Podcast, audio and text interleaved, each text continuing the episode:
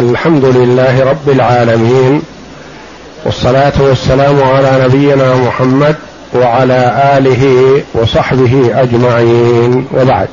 بسم الله. بسم الله الرحمن الرحيم. قال المؤلف رحمه الله تعالى السيرة الإجمالية قبل النبوة. السيرة الإجمالية قبل النبوة. يعني أخلاق النبي صلى الله عليه وسلم وآدابه وسمته وحسن معاملته قبل أن يوحى إليه. لأن الله جل وعلا اختاره لرسالته وهيأه لذلك. قبل أن يخلق السماوات والأرض بخمسين ألف سنة. قدر مقادير الخلق وهيأ محمدا صلى الله عليه وسلم لحمل رسالته. فقد اعتنى به جل وعلا منذ نشأته وقبل ذلك وحينما كان في الأرحام. فهو عليه الصلاة والسلام يقول ولدت من نكاح لا من سفاح. يعني كان السفاح منتشر في الجاهلية وكثير.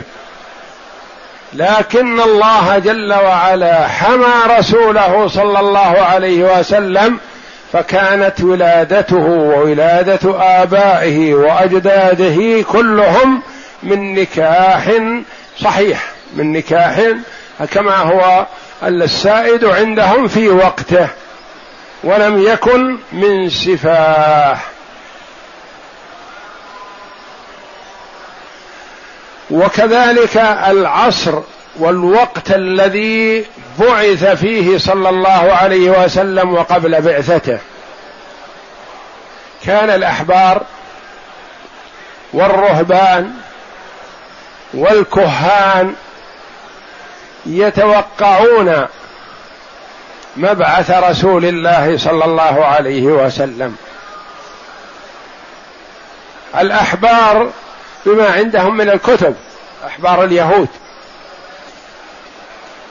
والرهبان رهبان النصارى بما أخذوه من كتبهم.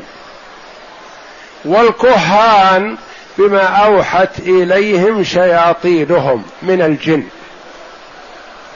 ومن الذين يسترقون السمع. فكانوا يتحرون كلهم مبعث النبي صلى الله عليه وسلم.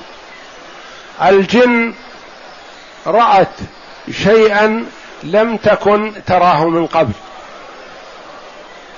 كانوا من قبل يركب بعضهم على بعض حتى يصلوا إلى السماء. ويسترق السمع. عند مبعث النبي صلى الله عليه وسلم رموا بالشهب. فقالوا هذا لشيء. ما كان هذا موجود من قبل. كانوا يسترقوا السمع ويسمعون ما يريدون ما ما يقال في السماء ثم يلقوه على الكهان. تغير الوضع بأن إذا تراكبوا هكذا جاءهم شهاب شيء من النجم فأهلكهم. ما الذي حصل؟ هذا إما لخير أو شر لا يخلو. إما لخير سيكون وإما لشر بغرض حجب أهل الأرض عن أخبار السماء.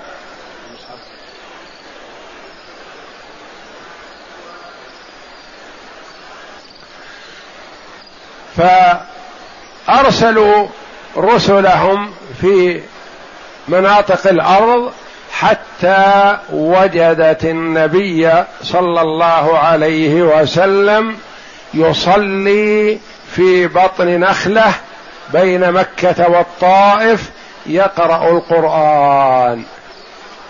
فأدركوا أن ما حصل من حجبهم عن أخبار السماء هو هذا. من أجل الا تختلط أخبار الشياطين بالقرآن العظيم. وأوحى الله جل وعلا إلى رسوله صلى الله عليه وسلم خبر هؤلاء الجن وإيمانهم. لما سمعوا لأنهم أدركوا بعقولهم أن هذا خير. فأوحى الله جل وعلا إلى محمد صلى الله عليه وسلم في أول الأمر قل أوحي إلي أنه استمع نفر من الجن فقالوا إنا سمعنا قرآنا عجبا يهدي إلى الرشد فآمنا به ولن نشرك بربنا أحدا وأنه تعالى جد ربنا ما اتخذ صاحبة ولا ولدا وأنه كان يقول سفيهنا على الله شططا. وأنا ظننا أن لن تقول الإنس والجن على الله كذبا وأنه كان رجال من الإنس يعوذون برجال من الجن فزادوهم رهقا وأنهم ظنوا كما ظننتم أن لن يبعث الله أحدا وأن لمسنا السماء فوجدناها ملئت حرسا شديدا وشهبا وأنا كنا نقعد منها مقاعد للسمع فمن يستمع الآن يجد له شهابا رصدا. وأنا لا ندري أشر أريد بمن في الأرض أم أراد بهم ربهم رشدا. يعترفون بربهم. يقول ما ندري هل هو خير أم شر. كيف يكون خير وكيف يكون شر؟ نعم. يكون خير إذا كان سينزل من السماء شيء فيه خير للخلق للثقلين الجن والإنس.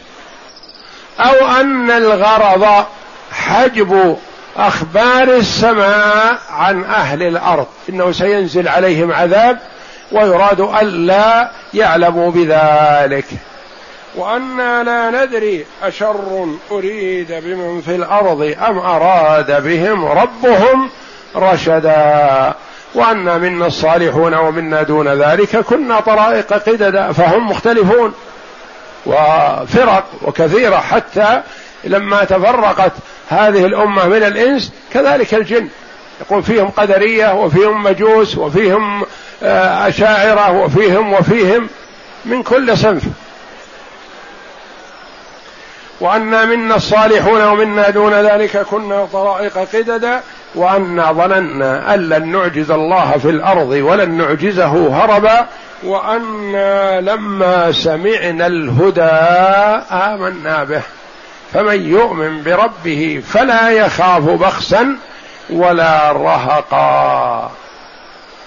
كان هذا في مبدأ الرسالة لما خرج النبي صلى الله عليه وسلم من مكة إلى الطائف ليدعوهم إلى الله جل وعلا, وعلا ولعله يجد من يناصره ويؤويه. فردوا عليه ردا قبيحا ورجع صلى الله عليه وسلم وصلى بمن معه ببطن نخلة.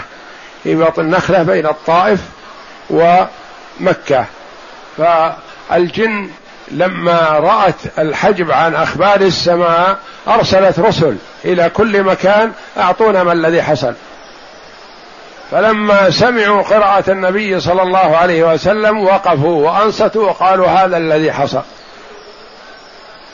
وأخبروا بما حصل.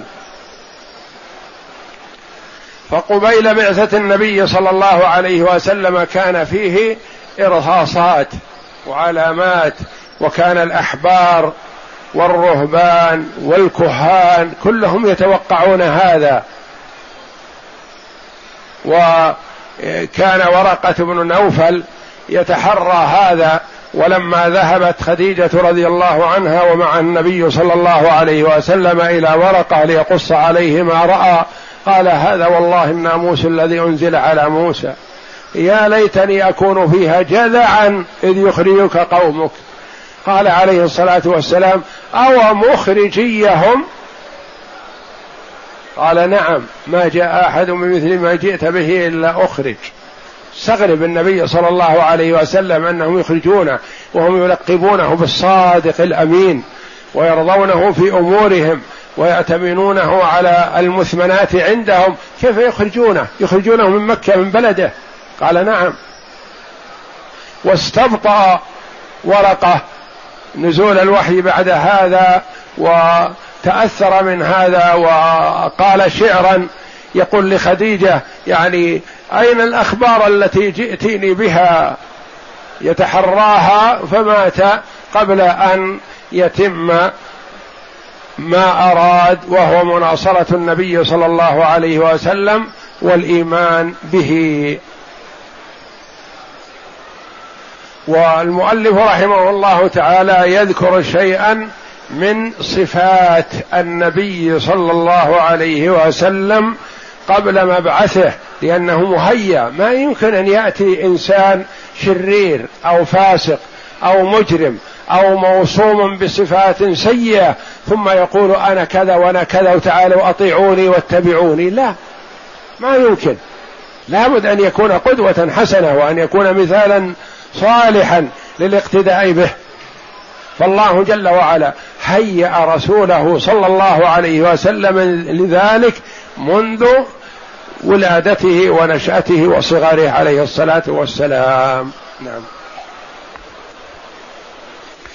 إن النبي صلى الله عليه وسلم كان قد جمع في في نشأته خير ما في طبقات الناس من ميزات وكان طرازا رفيعا من الفكر الصائب يعني نوعا خاص. ما يماثله أحد من بني زمانه. كان مهيأ لهذا الأمر. ما له مثيل عليه الصلاة والسلام. حتى قبل النبوة ما كان يماثل أحد أو يدانيه في صفاته عليه الصلاة والسلام.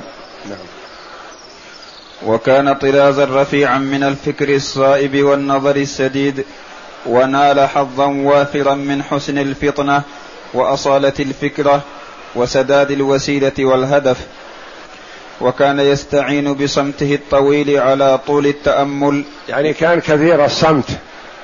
ما يتكلم إلا بما فيه فائدة ومصلحة وإلا يصمت ويتأمل فإذا رأى من المناسب الكلام تكلم عليه الصلاة والسلام ولا يتكلم كلام كثير لا فائدة فيه بل يستعين بالصمت على التأمل والتدبر. نعم. وكان يستعين بصمته الطويل على طول التأمل وإدمان الفكرة واستكناء الحق وطالع بعقله الخصب وفطرته الصافية صحائف الحياة وشؤون الناس وأحوال. الحياة يعني حالة الناس. إن حالة الناس حالة سيئة. يسجدون للأشجار والأحجار. يطلبون من الأموات. الميت ميت كيف يطلب منه؟ فكان عليه الصلاة والسلام أدرك بتوفيق الله جل وعلا ثم بعقله الذي منحه ربه جل وعلا أن حالة الناس حالة سيئة. ما تصلح. غير صالحة الاستمرار والبقاء و ولا يمكن أن يكون هكذا لأنه يكون إذا كان الأمر هكذا فالناس خلقوا عبث ما لا لحكمة والله منزه جل وعلا عن ذلك نعم. وطالع بعقله الخصب وفطرته الصافية صحائف الحياة وشؤون الناس وأحوال الجماعات فعاف ما سواها من خرافة ونأى عنها ثم عايش الناس ونأى نعم. ونأى عنها. نعم.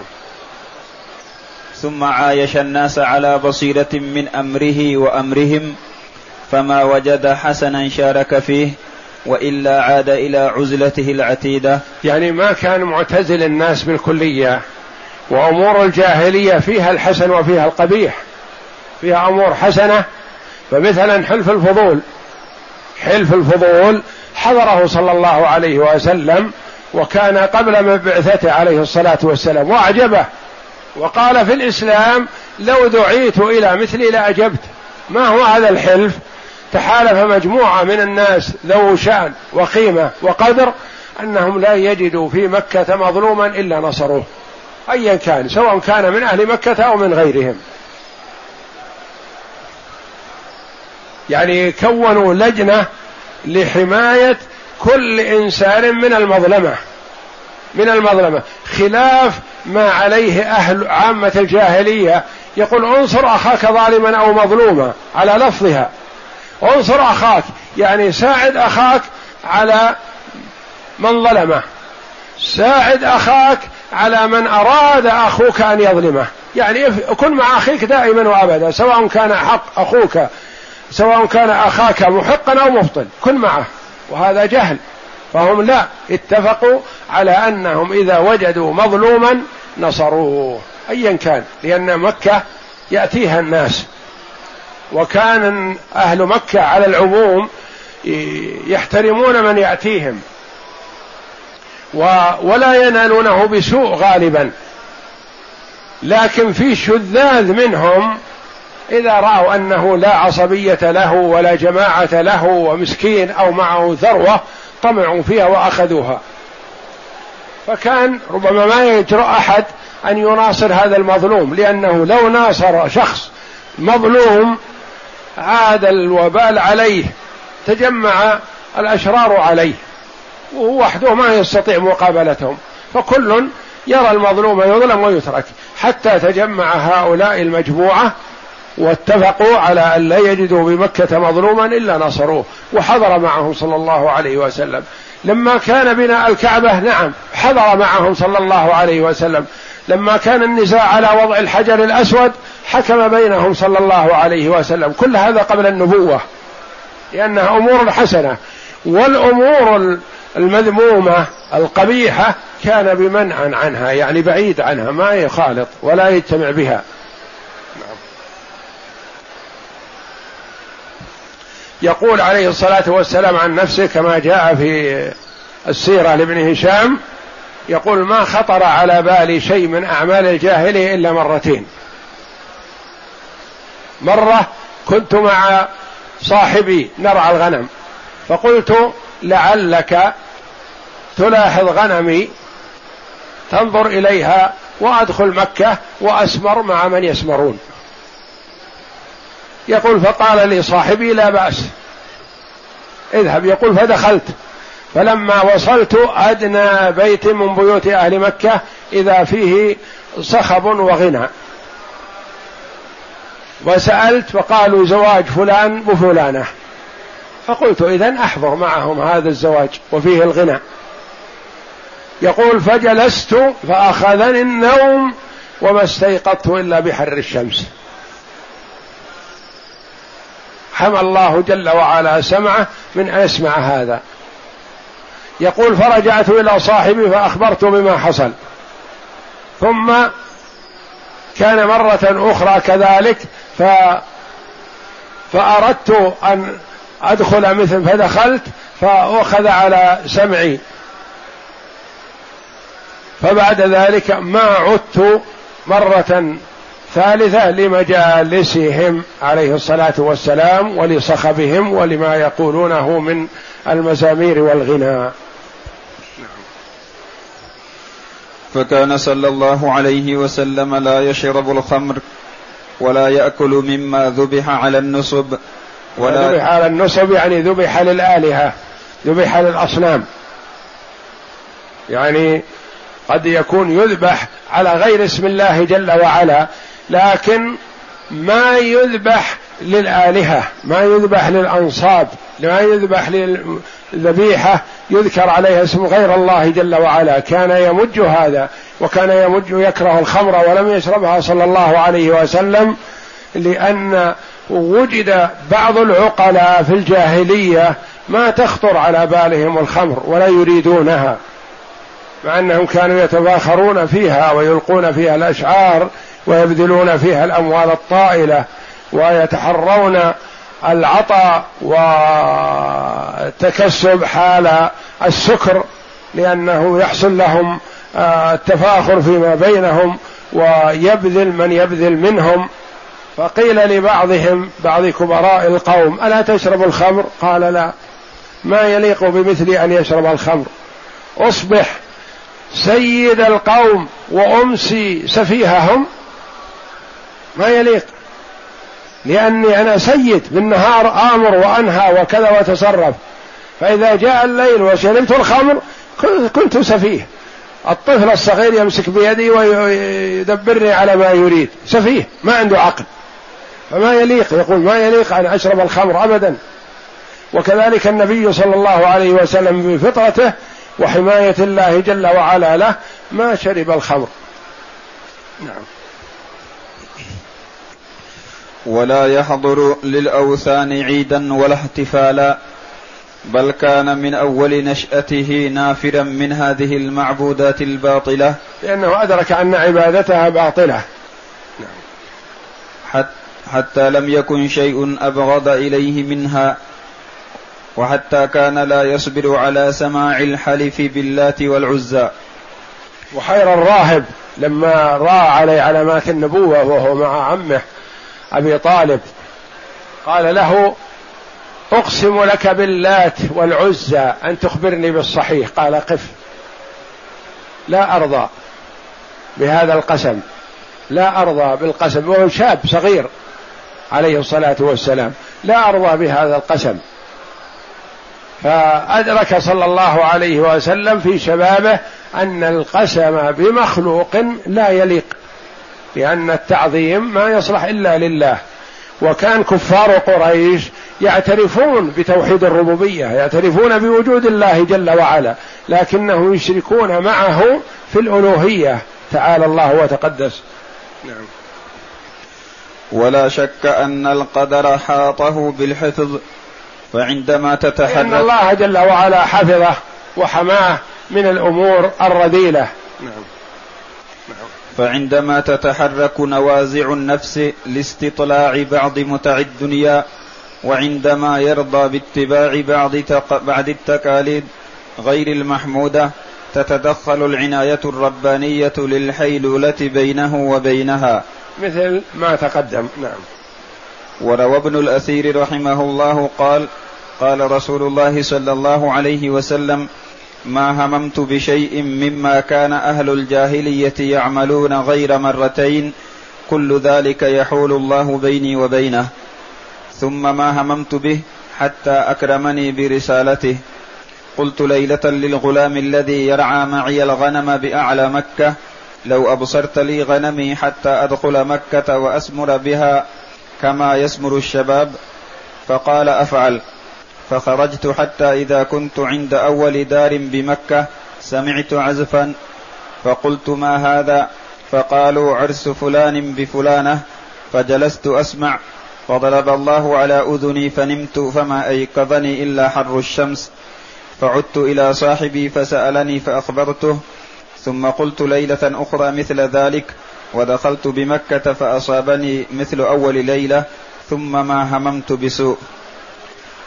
وروى البخاري رحمه الله عن جابر بن عبد الله رضي الله عنهما قال لما بنيت الكعبة ذهب النبي صلى الله عليه وسلم وعباس رضي الله عنه ينقلان الحجارة فقال وكانت سنهم متقاربة إلا أن العباس أسن من النبي صلى الله عليه وسلم بقليل نعم. فقال عباس رضي الله عنه للنبي صلى الله عليه وسلم اجعل إزارك على رقبتك يقيك من الحجارة فخر إلى الأرض وطمحت عيناه إلى السماء ثم أفاق فقال إزاري إزاري فشد عليه إزاره. وفي رواية فما رؤيت له عورة بعد ذلك. انهم كانوا في الجاهلية ما يتحاشون عن خروج ظهور العورة. فأشار عليه عمه العباس يقول اجعل الرداء اجعل الإزار على كتفك حتى تحط تضع الحجر فوق الإزار يقيك آه، قوة الحجر وشدته وخشونته. ففعل صلى الله عليه وسلم كما قال له عمه فسقط على الأرض عليه الصلاة والسلام ف وهو وأخذ ينادي إزاري إزاري يعني يريد أن يتزر به ليستر عورته عليه الصلاة والسلام. نعم. وكان النبي صلى الله عليه وسلم يمتاز في قومه بخلال عذبه وأخلاق فاضلة وشمائل كريمة. فكان صلى الله عليه وسلم أفضل قومه مروءة وأحسنهم خلقا وأعزهم جوارا وأعظمهم حلما وأصدقهم حديثا وألينهم عريكة وأعفهم نفسا وأكرمهم خيرا وأبرهم عملا وأوفاهم عهدا وآمنهم أمانة. حتى سماه قومه صلى الله عليه وسلم الأمين. سموه الأمين لقوة أمانته وصدق والصادق الأمين. الصادق الأمين لما دخل مع الباب مع باب المسجد فرحوا به وقالوا هذا الصادق الأمين هذا الأمين. يعني هذا ما يتمنون أن يكون حكما بينهم. لما جمع فيه من الأحوال الصالحة والخصال المرضية وكان كما قالت أم المؤمنين خديجة رضي الله عنها يحمل الكل ويكسب المعدوم ويقري الضيف ويعين على نوائب الحق. لما أوحي اليه أول الوحي جاء إلى خديجة رضي الله عنها يرجف فؤاده خوفا مما رأى. فقال إني خشيت على نفسي يعني خفت على نفسي إن هذا يكون اختلال في العقل أو اصبت بجنون أو اصبت بشيء ما قالت رضي الله عنها. كلا والله لا يخزيك الله أبدا. كلا والله يقول لا لا يقع في نفسك هذا أبدا لا يخزيك الله أبدا. إنك لتصل الرحم وتحمل الكلا يعني العاجز الا ما يستطيع أن يحمل نفسه تحمله. ويكسب المعدوم وتكسب المعدوم يعني الفقير اللي ما عنده شيء تعطيه ما استطعت أن تعطيه. وتقري الضيف هذه من الكرم ومن الخصال الطيبة. وتعين على نوائب الحق يعني الأمور الحسنة أنت تعين عليها وتسارع فيها. فمثل هذا من هذه صفاته تقول رضي الله عنها بإدراكها وفكرها لا يخزيه الله أبدا. الرجل الذي فيه خير يحفظه الله جل وعلا وينجيه من المكاره. نعم. في ظلال النبوة والرسالة في غار حراء. ولما تقاربت سنه صلى الله عليه وسلم الأربعين وكانت تأملاته الماضية لما قارب سن الأربعين عليه الصلاة والسلام وكان لابد أن ما يخالط الناس ويعتزلهم وقد لا يتمكن من العزلة عن الناس وهو في بيته أو في المسجد أو نحو ذلك فاختار عليه الصلاة والسلام غار حراء غار حراء غار مهيأ للجلوس. يقول طوله في حدود أربعة أذرع وعرضه ذراعان إلا قليل. فكان عليه الصلاة والسلام يأخذ الزاد السويق والماء من خديجة رضي الله عنها من داره ويذهب هناك ويتعبد ويتحنث. يعني يعبد الله يذكر الله يسبح يهلل. حسب ما أرشده الله جل وعلا بفكره قبل أن يوحى إليه. فإذا نفد الزاد الذي معه عاد إلى أهله صلى الله عليه وسلم وتزود لمثله وعاد. هكذا لأنه كره ما الناس عليه. فجاءه جبريل عليه السلام وهو في غار حراء.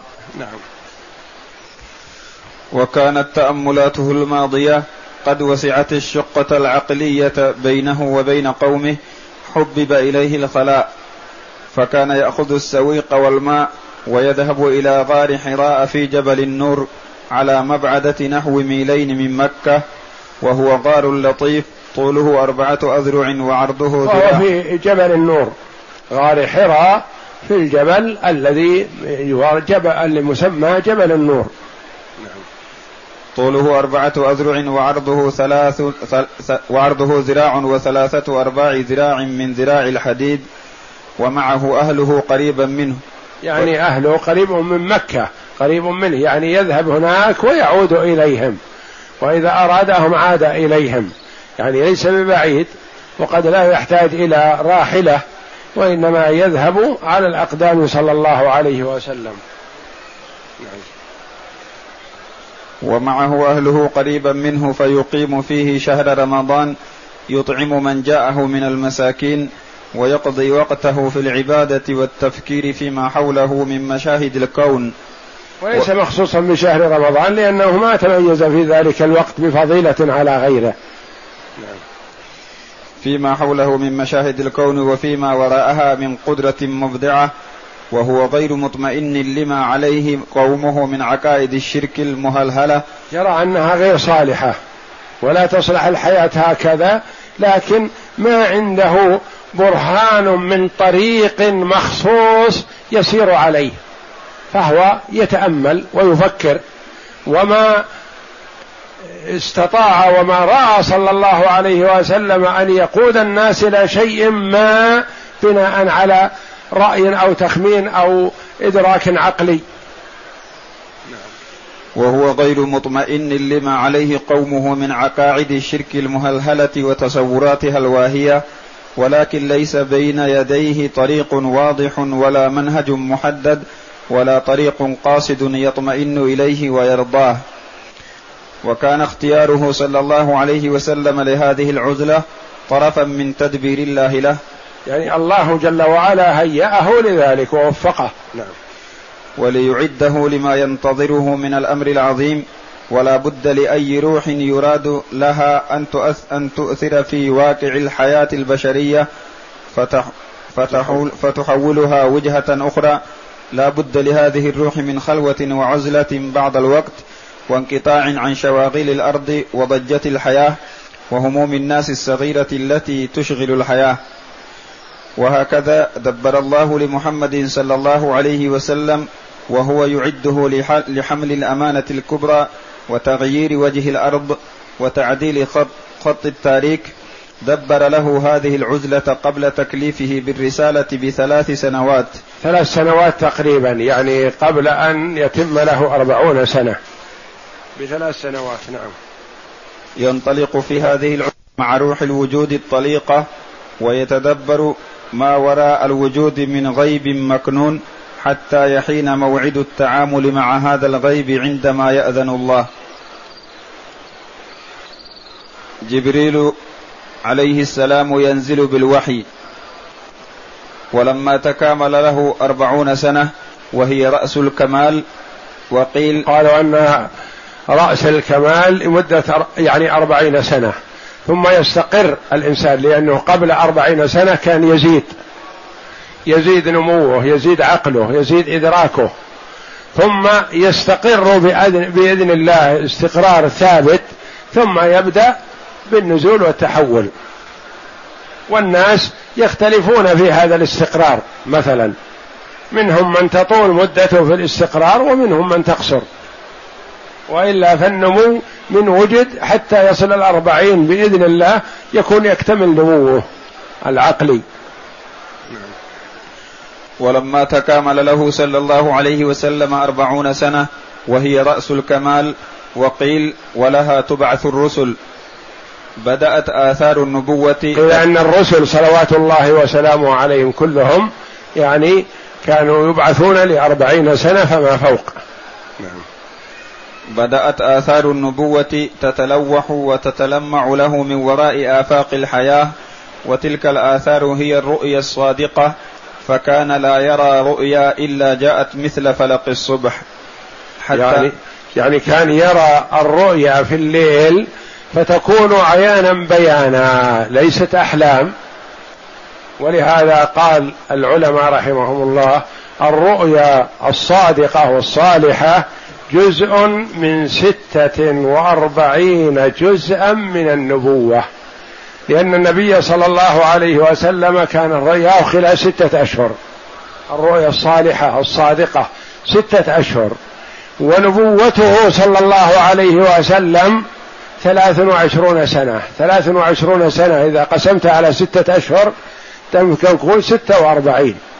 فهي واحد من ستة وأربعين من جزء من أجزاء النبوة. حتى مضت على ذلك ستة أشهر ومدة النبوة ثلاث وعشرون سنة فهذه الرؤيا جزء من ستة وأربعين جزءا من النبوة. فلما كان رمضان من السنة الثالثة من عزلته صلى الله عليه وسلم بحراء شاء الله أن يفيض من رحمة أن يفيض من رحمته على أهل الأرض فأكرمه صلى الله عليه وسلم بالنبوة وأنزل إليه جبريل عليه السلام بآيات من القرآن. وبعد النظر والتأمل في القرائن والدلائل يمكن لنا أن نحدد ذلك اليوم بأنه كان يوم الاثنين لإحدى وعشرين مضت من شهر رمضان ليلا ويوافق عشر أغسطس سنة ستمائة وعشر ميلادية وكان عمره صلى الله عليه وسلم إذ ذاك بالضبط أربعين سنة قمرية وستة أشهر واثني عشر يوما. وذلك نحو تسع وثلاثين سنة شمسية وثلاثة السنة الشمسية أكثر أيامها أكثر من السنة القمرية. فهي في السنة القمرية أربعون سنة وفي السنة الشمسية تسع وثلاثون مع الأيام هذه وثلاثة أشهر واثنى عشر يوما. وذلك نحو تسع وثلاثين سنة شمسية وثلاثة أشهر واثنين وعشرين يوما.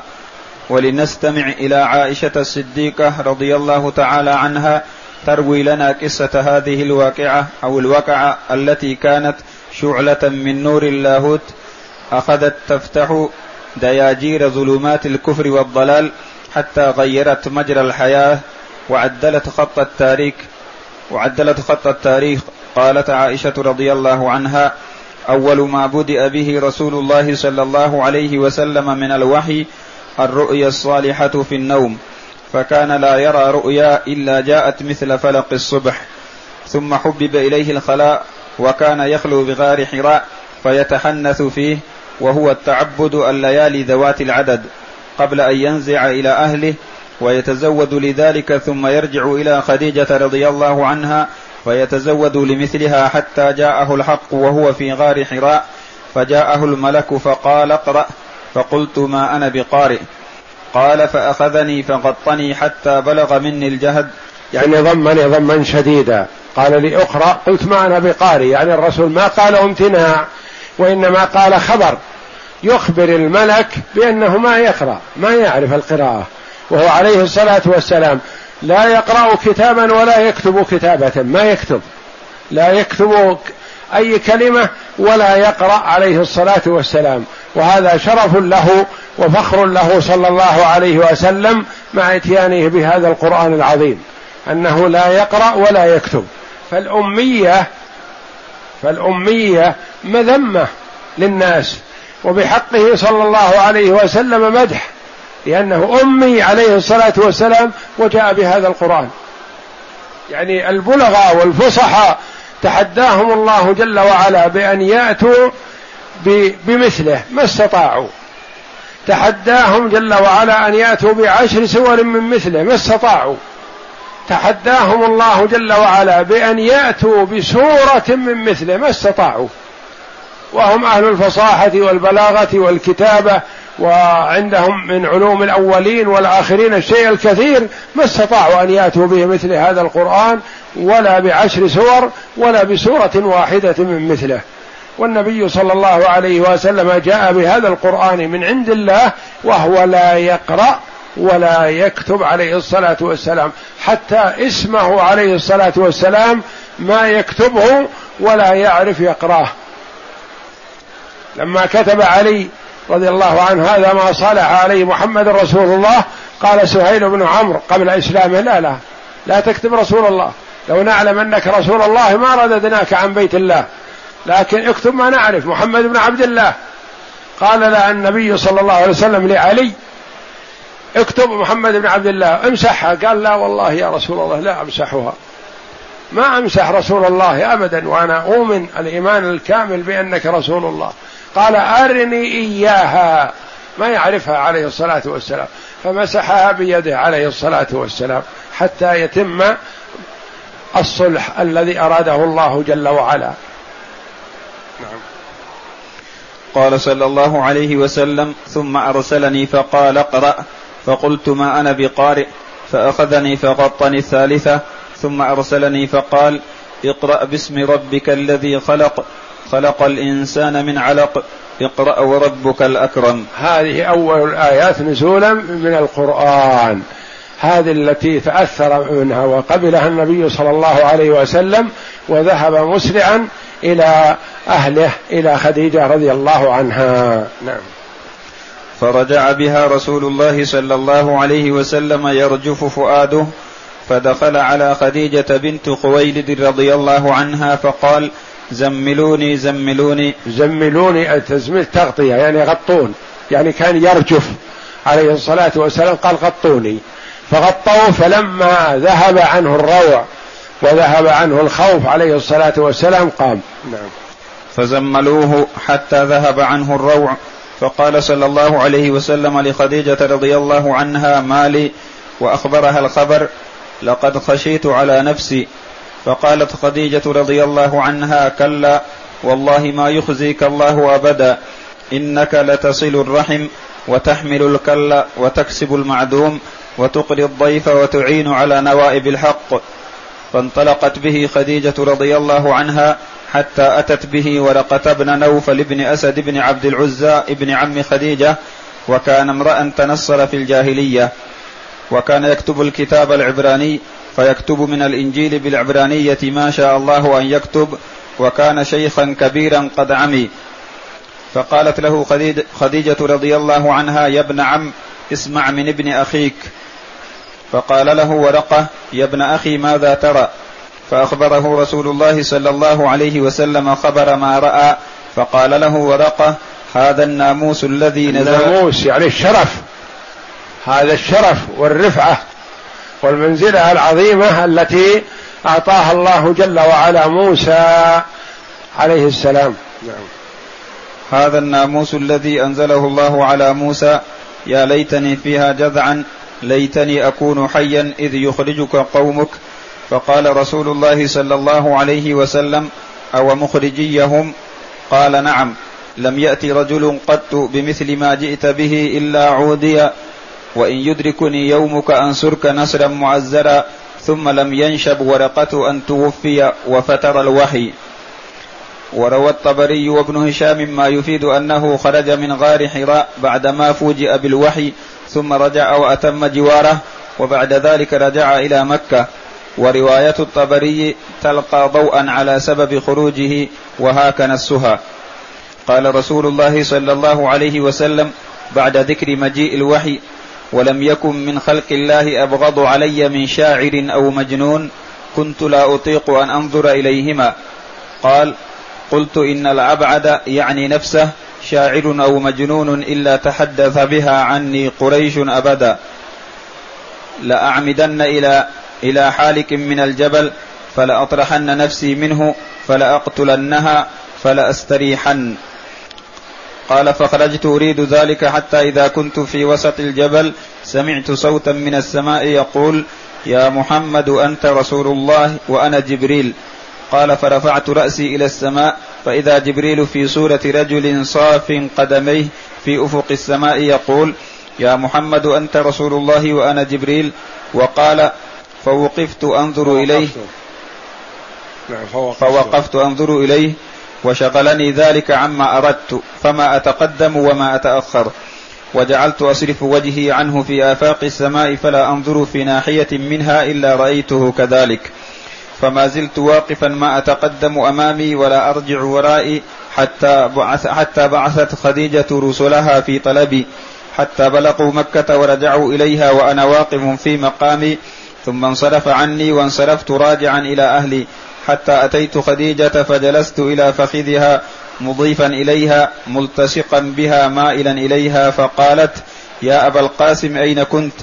فوالله لقد بعثت في طلبك حتى بلغوا مكة ورجعوا إلي ثم حدثتها بالذي رأيت فقالت أبشر يا ابن عم واثبت فوالذي نفس خديجة بيده إني لأرجو أن تكون نبي هذه الأمة. رضي الله عنها. نعم. ثم قامت فانطلقت إلى ورقة إلى ورقة وأخبرته فقال قدوس قدوس والذي نفس ورقة بيده لقد جاءه الناموس الأكبر الذي كان يأتي موسى عليه السلام وإنه لنبي هذه الأمة فقولي له فل فليثبت.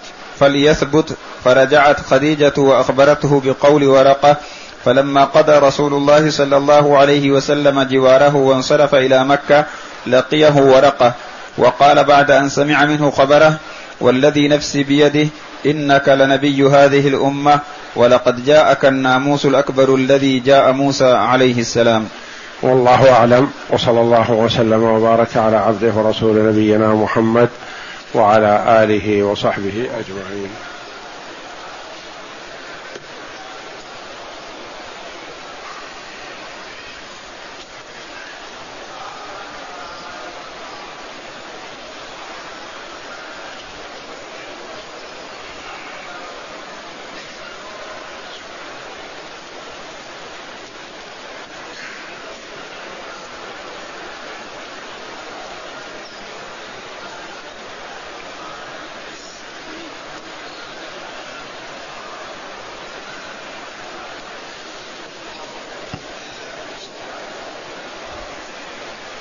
يقول السائل هل يكفي التلفون في صلة الرحم علما بأن الناس كثروا وتباعدوا؟ صلة الرحم تتفاوت بحسب حال الواصل والموصول. من الأقارب من لا يريد منك تلفون ولا زيارة ولا سلام وإنما هو فقير معدم في حاجة إلى مساعدة مالية. بهذا تحصل صلة الرحم. سلامك عليه وزيارتك إياه وتكليمك إياه بالتلفون لا يفيده شيء. ومن الناس من يكفيه الاتصال بالتلفون ومن الناس من يكفيه الزيارة. وهكذا بحسب تفاوت الأقارب وقربهم وحالتهم المادية والاجتماعية وأحوال الناس. فالذي ينبغي أن يعطى كل شخص ما يليق به ويناسبه.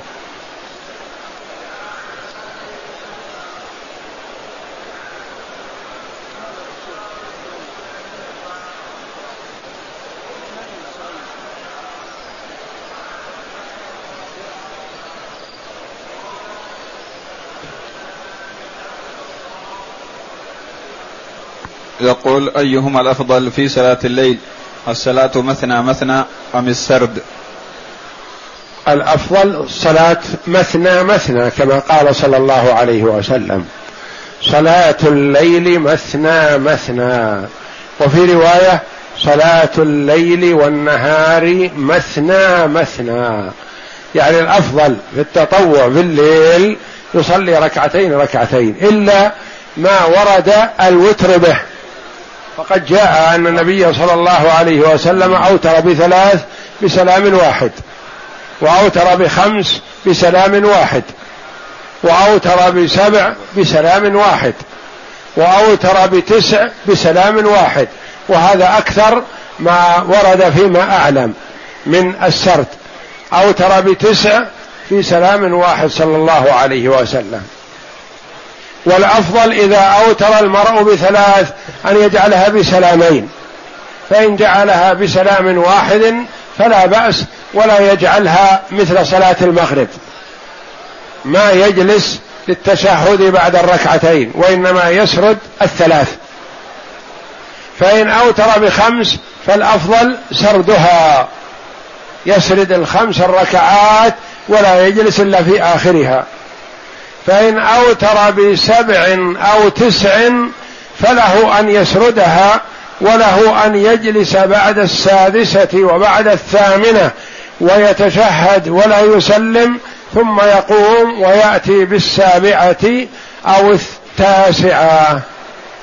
وإن أوتر باثنتي عشرة ركعة فيسلم من كل ركعتين ويوتر بواحدة الثالثة عشرة أو الحادية عشرة. ما كان رسول الله صلى الله عليه وسلم يزيد في رمضان ولا في غيره على إحدى عشرة ركعة وفي رواية ثلاثة عشرة ركعة. فإن أوتر بإحدى عشرة يسرد العشر بحيث يسلم من كل ركعتين. ثم يأتي بال بالوتر الحادية عشرة. وإن أوتر بثلاثة عشرة فكذلك. يسلم من كل ركعتين فإذا أنهى الاثنتي عشرة ركعة بسلام من كل ركعتين يوتر بواحدة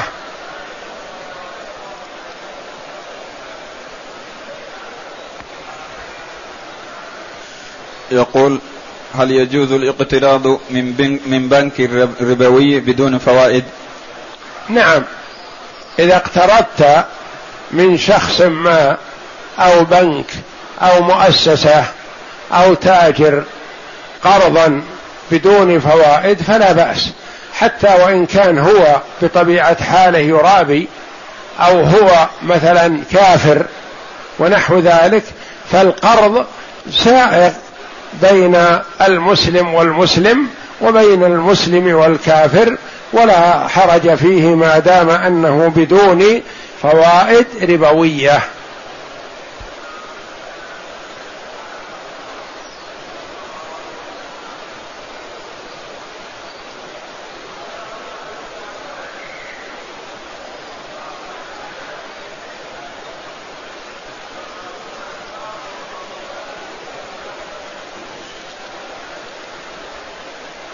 يقول ما حكم طلب الميراث قبل وفاة الأب؟ طلب الميراث قبل وفاة الأب جنون. لأنك لا تدري أنت ترث والدك أم أن والدك هو الذي يرثك. قد يكون الأب مثلا مريض أو في حال غيبوبة أو حالة حرجة من المرض ثم يموت ولده أو أولاده قبله ويرثهم وهو في هذه الحالة. فهذا ما يقول إلا مجنون. العاقل ما يقول أطلب الميراث قبل الوفاة. ما يعلم هل هو يرث أو يورث.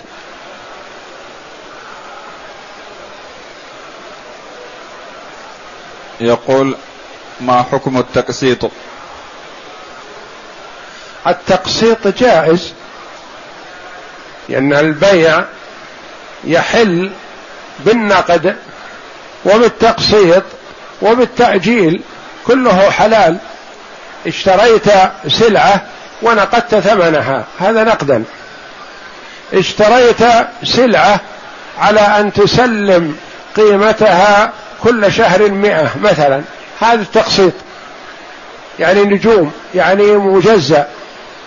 اشتريت سلعة على أن تسلم القيمة كاملة بعد سنة. هذا الأجل.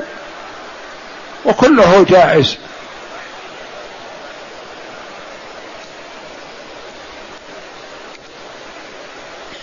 يقول قال لي أحد المؤذنين بأن الأذان الأول لصلاة الجمعة قبل المسجد الحرام بدعة.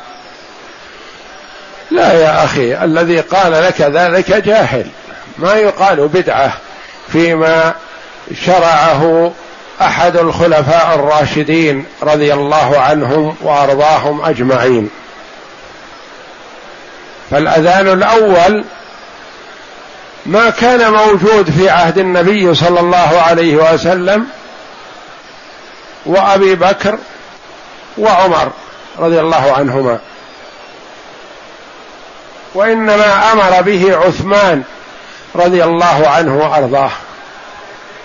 وعثمان هو ثالث الخلفاء الراشدين رضي الله عنهم أجمعين.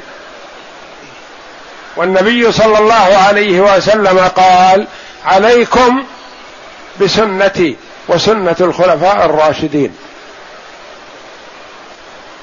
فأوصانا صلى الله عليه وسلم بسنتهم.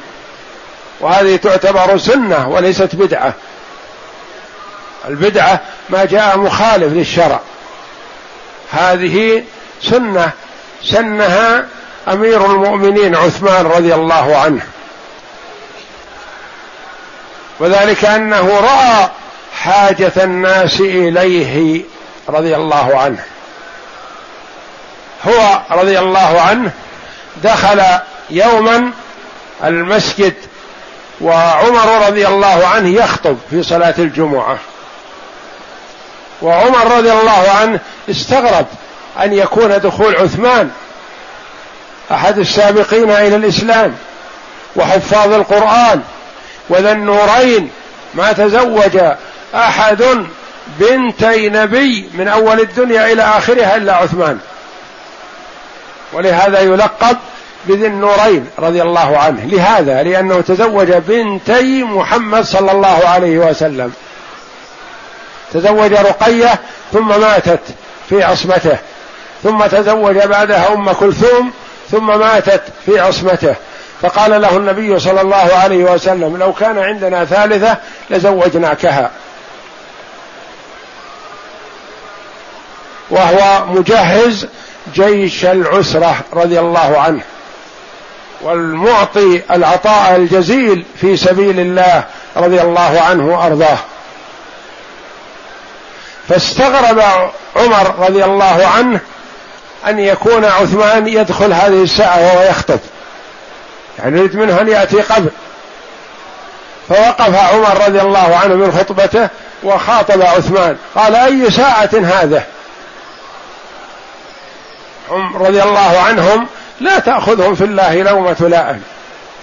صرحاء دعاة إلى الله جل وعلا. أي ساعة هذه؟ فأخبر عثمان رضي الله عنه بما حصل. قال ما زدت بعد أن سمعت النداء أن توضأت وجئت. يعني كان مشغول في أمر ما فلما سمع النداء ترك شغله وتوضأ وجاء إلى المسجد. قال والوضوء أيضا.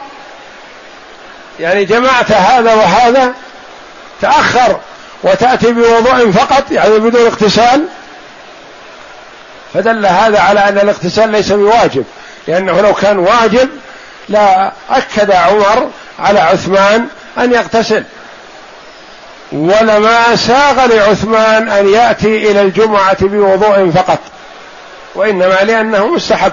فقال والوضوء أيضا جمعت أمرين التأخر والاقتصار على الوضوء. فلما صار الأمر له رضي الله عنه أمر بالأذان الأول حتى يتهيأ الناس لأن المدينة اتسعت وكبرت. وكان الأول الأذان أذان الجمعة حينما يدخل الخطيب. فيقول السلام عليكم ورحمة الله وبركاته يقوم المؤذن ويؤذن. اتسعت المدينة. وصاروا لا قد لا يسمعون هذا الأذان فأمر رضي الله عنه بالأذان الأول حتى يعلم الناس عن قرب صلاة الجمعة فيتهيأوا لها. فهو سنة بمنطوق النبي صلى الله عليه وسلم بقوله عليكم بسنتي وسنة الخلفاء الراشدين من بعدي. تمسكوا بها وعضوا عليها بالنواجذ. وإياكم ومحدثات الأمور فهذا ليس ببدعة ولا محدثة وإنما سنة سنة الخلفاء الراشدين رضي الله عنهم وأرضاهم.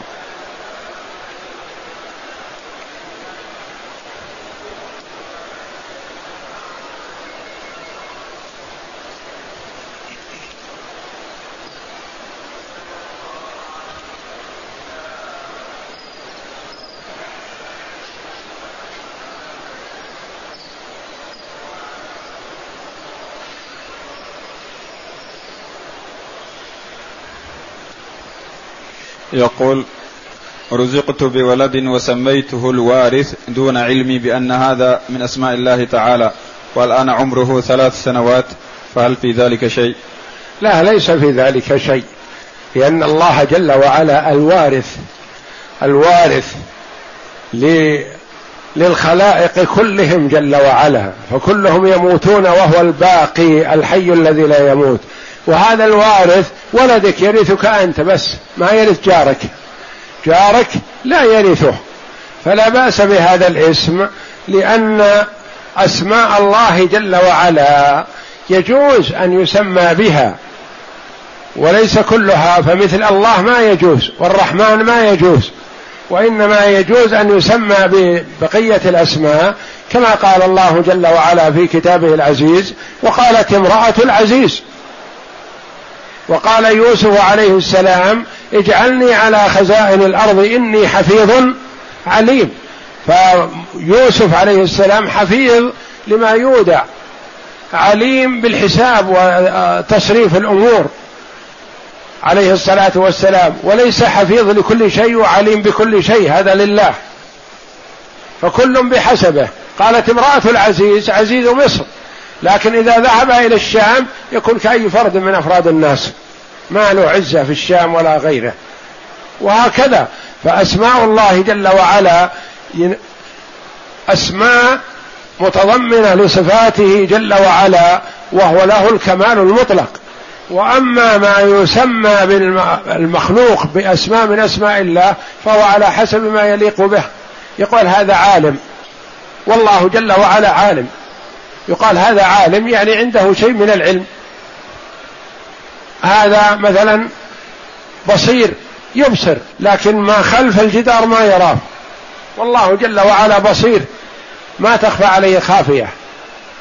عليم سميع وهكذا بقية الأسماء لله جل وعلا.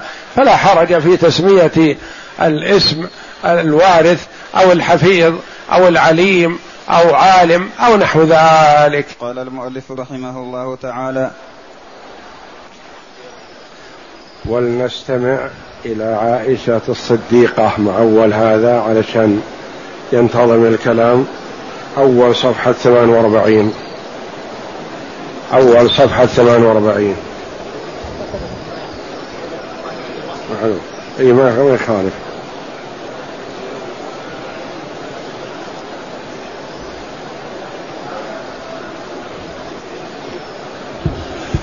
يقول المؤلف رحمه الله تعالى ولنستمع إلى عائشة الصديقة رضي الله عنها تروي لنا قصة هذه الوقعة التي كانت شعلة من نور اللاهوت.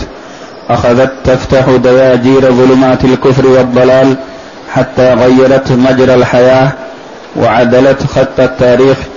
قالت عائشة رضي الله المؤلف رحمه الله تعالى يتحدث عن بدء الوحي. صفة بدء الوحي. وانقطاعه فترة. ثم تتابعه بعد هذا. ويتحدث بعد هذا عن صفة إتيان الملك عليه السلام إلى النبي صلى الله عليه وسلم فيبين لنا رحمه الله أنواع الوحي على ما ثبت في السنة. وصفة بدء الوحي فيه روايتان. ذكرهما المؤلف رحمه الله تعالى الأولى الصفه الأولى ما روت عائشة رضي الله عنها. الصفه الثانية التي عبر عنها المؤلف بقوله وروى الطبري وابن هشام ما يفيد إلى آخره. نعم. هذا الآن ما روت عائشة رضي الله عنها في بدء الوحي. نعم. قالت عائشة رضي الله عنها أول ما بدأ به رسول الله صلى الله عليه وسلم من الوحي الرؤيا الصالحة في النوم. الرؤيا الصالحة في النوم يعني يرى رؤيا لكن ليست كرؤيا الناس بل هي حقيقة وواقعة. تجيء كفلق الصبح يعني واضحة. هي مثل رؤيا الناس ورؤيا الناس تتفاوت. منها ما هو أضغاث أحلام ومنها ما هو نتيجة تفكير الإنسان بشيء ما قبل نومه. ومنه ما هو رؤيا حقيقة رؤيا حقيقة أو ما يفكر به الإنسان قبل نومه يرى كأنه صار كذا وصار كذا. ثالث أضغاث أحلام نتيجة آه، تكدر آه، حالة المعدة وارتباك الفكر والشبع ونحو ذلك. يأتي خذاريف وكلام لا حقيقة له ومرعبات وأشياء. وأشياء من إرعاب وتخويف الشيطان. يري الشيطان العبد كأنه حصل كذا وحصل كذا يخوفه بذلك. ولهذا يستحب للإنسان عند النوم أن يقرأ آية الكرسي حتى لا يقربه الشيطان. ويقرأ فاتحة ويقرأ المعوذتين وسورة الإخلاص استحبابا وينام على طهارة حتى لا يقربه الشيطان ويأتي بالدعاء الوارد عن النبي صلى الله عليه وسلم اللهم لك أسلمت وبك آمنت وعليك توكلت إلى آخر ما ورد عن النبي صلى الله عليه وسلم. اللهم إني أسلمت نفسي إليك ووجهت وجهي إليك وفوضت أمري إليك وألجأت ظهري إليك رغبة ورهبة إليك. لا ملجأ ولا منجأ منك إلا إليك. آمنت بكتابك الذي أنزلت ونبيك الذي أرسلت. ويستحب أن يأتي باللفظ بعينه. ولا يأتي بمعناه بدليل أن النبي صلى الله عليه وسلم لما علمه أحد الصحابة وطلب منه الإعادة أو أعاد عليه قال ورسولك الذي أرسلت؟ قال النبي صلى الله عليه وسلم لا ونبيك الذي أرسلت. ورسولك الذي أرسلت؟ يكون اعتراف بالرسالة فقط. وإذا قال ونبيك الذي أرسلت؟ اعتراف بالنبوة والرسالة والاتيان باللفظ مستحب. وقال النبي صلى الله عليه وسلم في هذا واجعلهن آخر ما تقول. يعني ينام عليها. فهو إذا نام على ورد بإذن الله يسلم من تلاعب الشيطان به وتخويفه وإرجافه لأن بعض الناس يتسلط عليه الشيطان في منامه فيزعجه ويريه كأنه سقط في حفرة وكأن حصل كذا وكأنه نزل عليه كذا. وكأنه ابتلي ببلية ونحو ذلك فإذا استيقظ ما وجد من هذا شيء. كل هذا من تخويف الشيطان وتلاعبه. فيتحصن المرء بهذا الذكر وهذا الدعاء وهذا الورد عن الشيطان. يكون كأن عليه سياج من حديد لا يقربه شيطان. ما يقربه الشيطان. والشيطان نفسه علم أبا هريرة رضي الله عنه كيف يستعيذ منه. لما كان النبي صلى الله عليه وسلم جعل أبا هريرة حارسا على طعام تبع الصدقة. فجاء الشيطان يحثو منه فأخذ أبو هريرة بيده ومسكه وقال هذا طعام الصدقة وأنا وهو موكول إلي حفظه. لا أدعك حتى أسلمك للرسول صلى الله عليه وسلم. فقال إنه فقير وإنه ذو عيال وإنه محتاج وكذا وتذلل بين يدي أبي هريرة وأظهر الذل وأظهر الحاجة والفقر والمسكنة فرحمه وتركه. فلما أصبح النبي صلى الله عليه وسلم قال لابي هريرة رضي الله عنه ما فعل أسيرك البارحة؟ علم النبي صلى الله عليه وسلم بالقصة بدون أن يعلمه أبو هريرة. فقال يا رسول الله إنه ذكر حاجة وفقرا وعيالا فرحمت وتركته وتعهد لي أنه لن يعود. قال أما إنه سيعود. يقول أبو هريرة رضي الله عنه فعرفت أنه سيعود فترصدت له. لأن النبي قال إنه سيعود. فعاد. فمسكته وقلت له إنك تعهدت لي أن لا تعود وعدت. والله لا أتركك حتى أسلمك للرسول صلى الله عليه وسلم. فذكر مثل ما ذكر في الليلة الأولى فرحمه أبو هريرة وتركه وتعهد أن لا يعود. فلما أصبح قال له النبي صلى الله عليه وسلم ما فعل أسيرك البارحة؟ قال إنه ذكر كذا وكذا وتعهد بأنه لن يعود. قال أما إنه سيعود. فعاد الثالثة مثل الأولى. فقال أبو هريرة هذه الليلة الثالثة عدت وأنت تذكر أنك لا تعود لا أدعك أبدا. فقال دعني وأعلمك كلمات يحفظك الله بهن.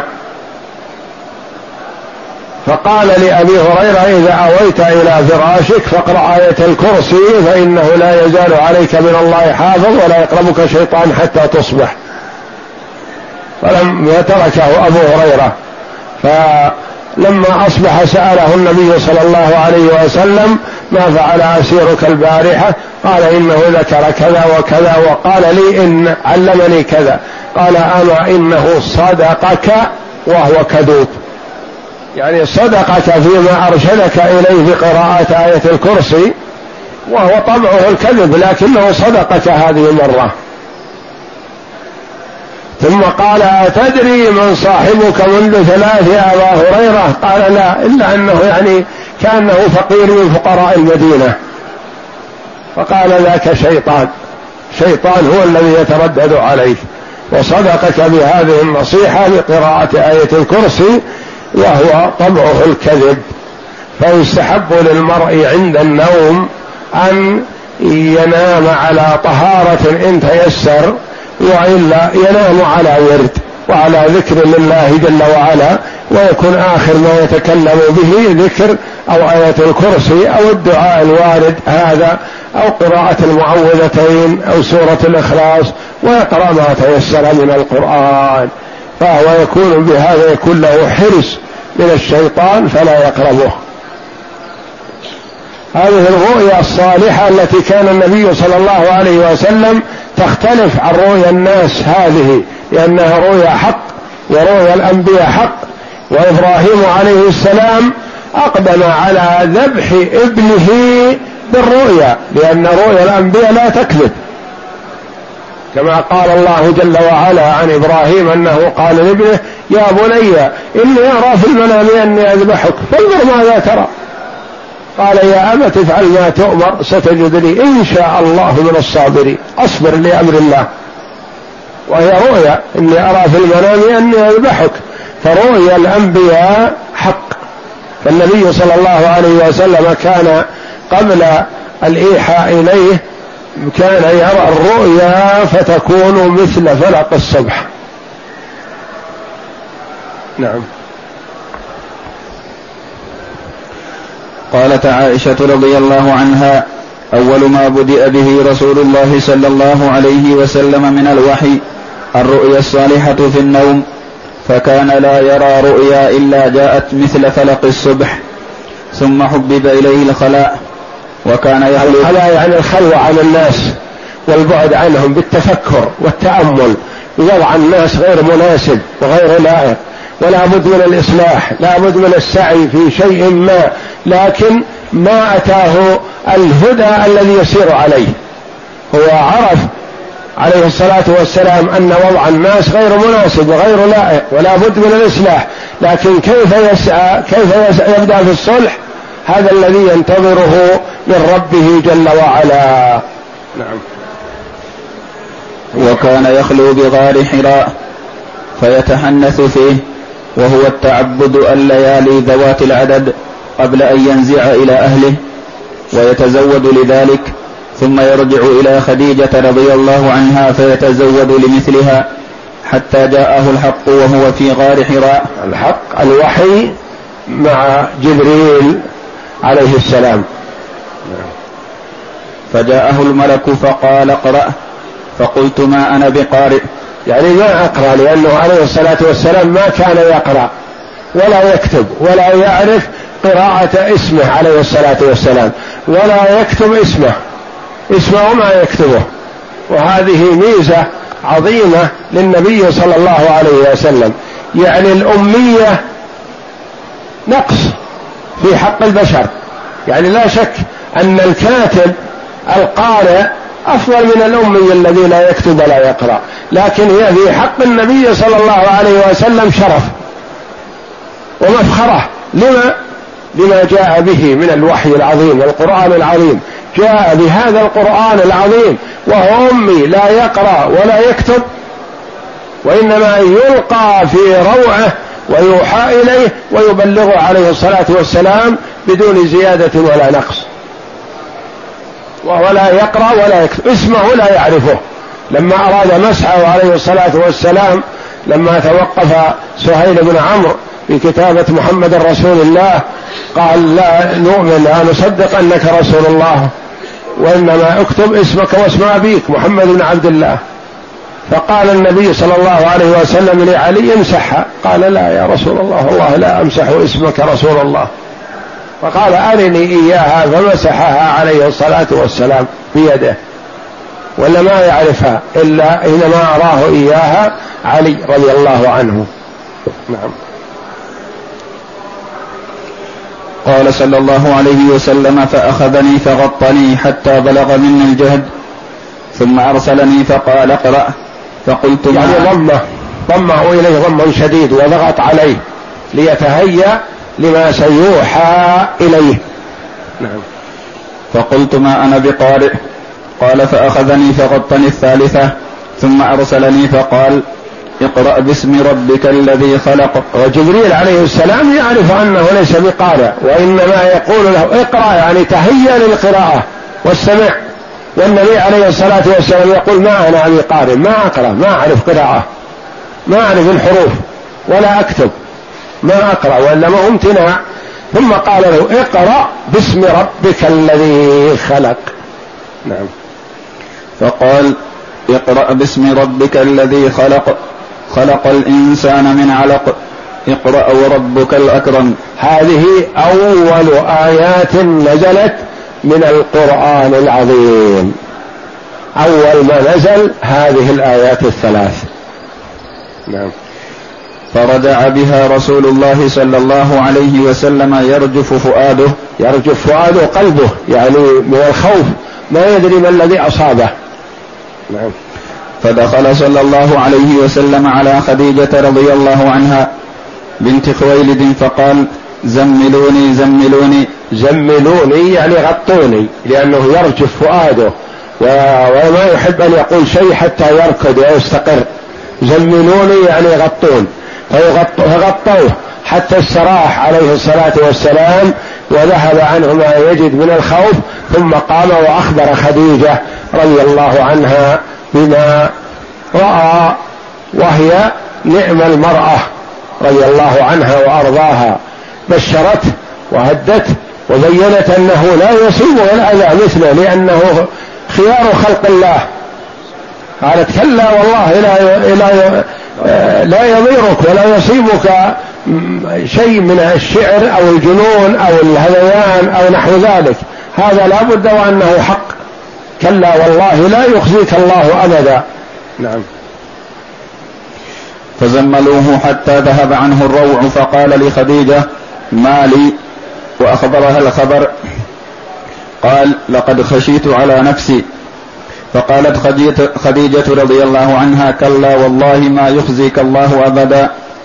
إنك لتصل الرحم وتحمل الكل وتكسب المعدوم وتقضي الضيف وتعين على نوائب الحق. يعني أعمالك كلها جليلة وحسنة وفيك صفات حميدة ومن اتصف بالصفات الحميدة لا يخزيه الله أبدا. يعني لو ابتلاه الله جل وعلا بشيء ما فهو خير له. وأنت فيك صفات حميدة وطيبة ما يمكن أن يصيبك أذى بإذن الله. نعم. لأنهم حتى قبل الإسلام كانوا يؤمنون بالله وكانت خديجة تقسم والذي نفسي بيده الذي هو الله جل وعلا. وتقول كلا والله لا يخزيك الله. فالاعتراف بتوحيد الربوبية موجود عندهم ويؤمنون بهذا. وكما قال عبد المطلب أنا رب إبلي وللبيت رب يحميه. نعم.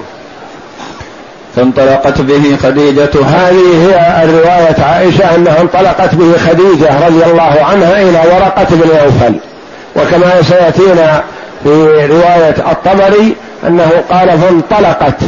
فأخذت ضمت عليها ثيابها وانطلقت خديجة وحدها إلى ورقة لتخبره ولتسمع منه بدون أن يكون النبي صلى الله عليه وسلم موجود حتى لا يكون هناك مجاملة أو مداراة من ورقة يخبر بما عنده ما دام أن النبي هم معها. يعني كانت هي وحدها وهي ابنة عمه. فإذا كان الشيء مخوف أو فيه شيء ما أخبرها بذلك.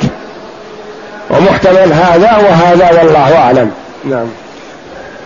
فانطلقت به خديجة رضي الله عنها حتى أتت به ورقة بن نوفل بن أسد بن عبد العزى بن عم خديجة وكان امرأ تنصر في الجاهلية وكان يكتب الكتاب العبراني فيكتب من الإنجيل بالعبرانية ما شاء الله أن يكتب وكان شيخا كبيرا قد عمي. فقالت له خديجة رضي الله عنها يا ابن عم اسمع ابن عمي تعني ورقة لأنه ابن عمها. نعم. اسمع من ابن أخيك. فقال له ورقة يا ابن أخي ما ترى. فأخبره رسول الله صلى الله عليه وسلم خبر ما رأى. فقال له ورقة هذا الناموس الذي نزله أنزله الله على موسى. يعني هذا الشرف والفخر والعز الذي أنزله الله على موسى يعني النبوة. هذا شرف عظيم لا تخاف منه. نعم. هذا الناموس الذي نزله الله على موسى. يا ليتني فيها جذعا يعني شاب نشيط لأنه شايب كبير وعمي ولا فكره معه. يدرك. نعم. ليتني أكون حيا إذ يخرجك قومك. فقال رسول الله صلى الله عليه وسلم أو مخرجيهم قال نعم. لم يأت رجل قط مثل ما جئت به إلا عودي. وإن يدركني يومك أنصرك نصرا مؤزرا ثم لم ينشب ورقة أن توفي وفتر الوحي. يعني توقف الوحي ما تتابع بعد هذه الآيات توقف فترة. وقال بعض المؤرخين توقف ثلاث سنين. وهذا بعيد كل البعد والله أعلم. وقال بعض العلماء رحمهم الله التوقف كان أيام.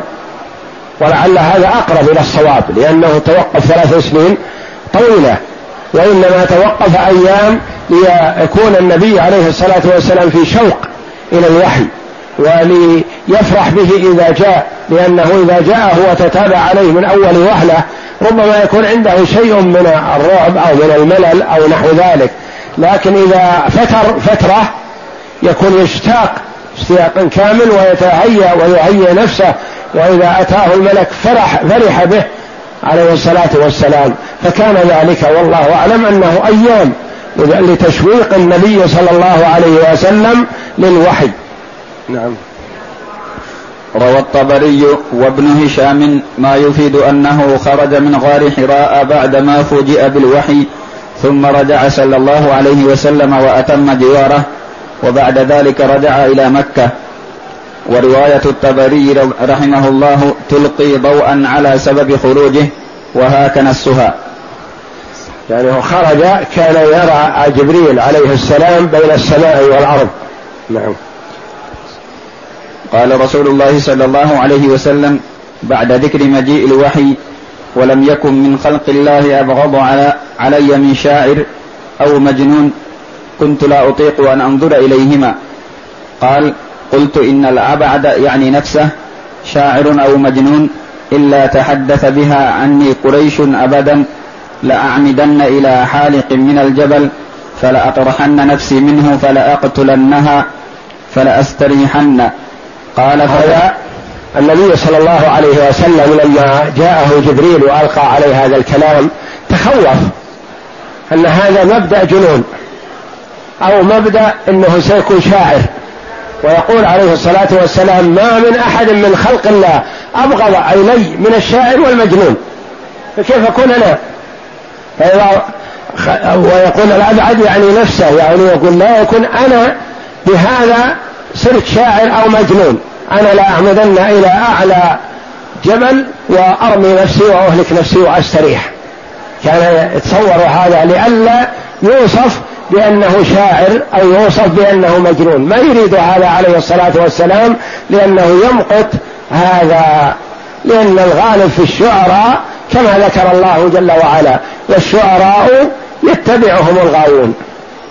ألم تر أنهم في كل واد يهيمون وأنهم يقولون ما لا يفعلون إلا الذين آمنوا وعملوا الصالحات وذكروا الله كثيرا وانتصروا من بعد ما ظلموا.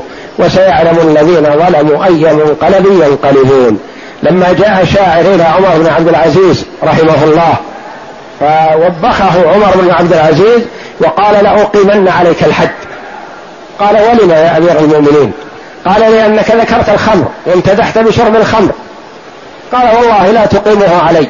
قال ولما قال بنص القرآن. لا تقيم علي حد الخمر. وكيف ذلك؟ قال أما سمعت قول الله جل وعلا والشعراء يتبعهم الغاوون ألم ترى أنهم في كل واد يهيمون؟ وأنهم يقولون ما لا يفعلون أنا ما شربت وإنما قلت شيء ما ذقته والخمر ما ذقتها. فاحتج على عمر رضي الله عنه بقوله والشعراء يتبعهم الغاوون ألم تر أنهم في كل واد يهيمون وأنهم يقولون ما لا يفعلون؟ يقول أنا مدحت الخمر وذكرت ولا ما شربت ولا ذقته. فما تجلدني حد الخمر بمجرد المدح ما استحق الجلد إلا لو شربت ولا ما شربت. يقولون ما لا يفعلون. فكان النبي صلى الله عليه وسلم يكره كراهية شديدة أن ينسب إليه الشعر أو يقال شاعر لأنه له مركز وله سمعة حسنة وطيبة بين قومه ويلقب بالصادق الأمين عليه الصلاة والسلام. نعم. قال فخرجت أريد ذلك حتى إذا كنت في وسط الجبل سمعت صوتا من السماء يقول يا محمد أنت رسول الله وأنا جبريل. يهدئه عليه السلام والصلاة والسلام. جبريل يهدئ النبي صلى الله عليه وسلم يقول لا تنزعج. يا محمد أنت رسول الله. هذه بشارة. وأنا جبريل. لست بشيطان ولا كاهن ولا موسوس أنا جبريل ومحمد عليه الصلاة والسلام يعرفون في أهل مكة والعرب يعرفون الملائكة ويرون أنهم مقربون إلى الله جل وعلا يعرفون قدرهم ومنزلتهم ولهذا قال كفار قريش وبعض الكفار الملائكة بنات الله تعالى الله عما يقولون. فجبريل لقال للنبي أنا جبريل عرفه عليه الصلاة والسلام لو لم يكن جاءه قبل ذلك. نعم. قال صلى الله عليه وسلم فرفعت رأسي إلى السماء فإذا جبريل في صورة رجل صاف, صاف قدميه في أفق السماء يقول يا محمد أنت رسول الله وأنا جبريل. قال فوقفت أنظر إليه. يعني وقف ينظر إليه وهو واقف بين السماء إلى الأرض جبريل عليه السلام لأن الله جل وعلا أقدر الملائكة على التشكل بأشكال عدة وجبريل عليه الصلاة والسلام يأتي إلى النبي صلى الله عليه وسلم أحيانا في صورة رجل وأحيانا يراه على صورته التي خلقه الله عليها له ستمائة جناح. قد سد الأفق يعني يسد رؤية السماء كلها. إذا وقف مثلا في سماء مكة صار كل مكة ما ترى السماء اللي يراه جبريل. ولكن ما ما كل يراه. يعني يكون موجود عند النبي صلى الله عليه وسلم أحيانا ويخاطب النبي صلى الله عليه وسلم وعنده خديجة أو عائشة أو بعض أمهات المؤمنين ما تراه. ويأتي الوحي إلى الرسول عليه الصلاة والسلام وعند الصحابة وما يرون الملك واحيانا إذا جاء في صورة رجل معين يرونه كما رأته عائشة رضي الله عنها في صورة دحية الكلب رجل من عظماء العرب جاء إلى النبي صلى الله عليه وسلم حدث معه ثم انطلق قال لعائشة من هذا؟ قالت هذا دحية الكلب. قال هذا جبريل. ويجيء إلى النبي صلى الله عليه وسلم وعنده خديجة وما تراه ما تراه خديجة. وجاء في بعض الآثار أن خديجة رضي الله عنها لما قال لها النبي صلى الله عليه وسلم أنا أرى أرى هذا الملك. أراه أرى الشيء. وهو قبل أن يقول الملك يعني أراه. قالت ترى شيء؟ قال نعم. فأجلسته على فخذها. فقالت ترى؟ قال نعم. فأجلسته على فخذها الآخر. فقالت ترى؟ قال نعم. فأجلسته في حجرها. فقالت ترى؟ قال نعم. فنزعت خديجة رضي الله عنها خمارها وطرحته. قالت تراه؟ قال لا. ذهب. فقالت هذا ملك وليس بشيطان. استنتجت رضي الله عنها أنها لما نزعت خمارها ذهب. الملك أنه الملك. هو الذي ما أحب أن ينظر إلى خديجة وقد رفعت خمارها رضي الله عنها. فقالت هذا ملك وليس بشيطان لأنه يعني لو كان شيطان ما يذهب. نعم. قال صلى الله عليه وسلم وشغلني ذلك عما أردت فما أتقدم وما أتأخر.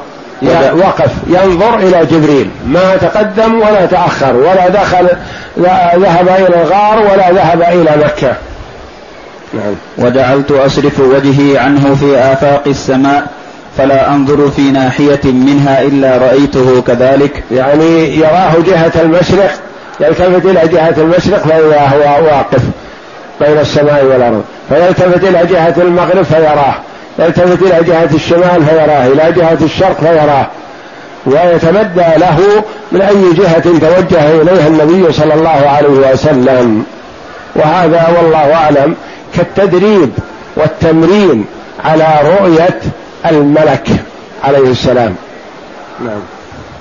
قال صلى الله عليه وسلم فما زلت واقفا أتق... ما أتقدم أمامي ولا أرجع ورائي حتى بعثت خديجة رضي الله عنها رسلها في طلبي. يعني كأنه تأخر عليها النبي صلى الله عليه وسلم فأرسلت من يبحث عنه لأنها مهتمة به كل الاهتمام رضي الله عنها. نعم. حتى بلغوا مكة ورجعوا إليها وأنا واقف وأنا واقف في مقامي ثم انصرف عني وانصرفت راجعا إلى أهلي حتى أتيت خديجة رضي الله عنها فجلست إلى فخذها مضيفا إليها ملتسكا بها مائلا إليها. فقالت يا أبا القاسم أين كنت؟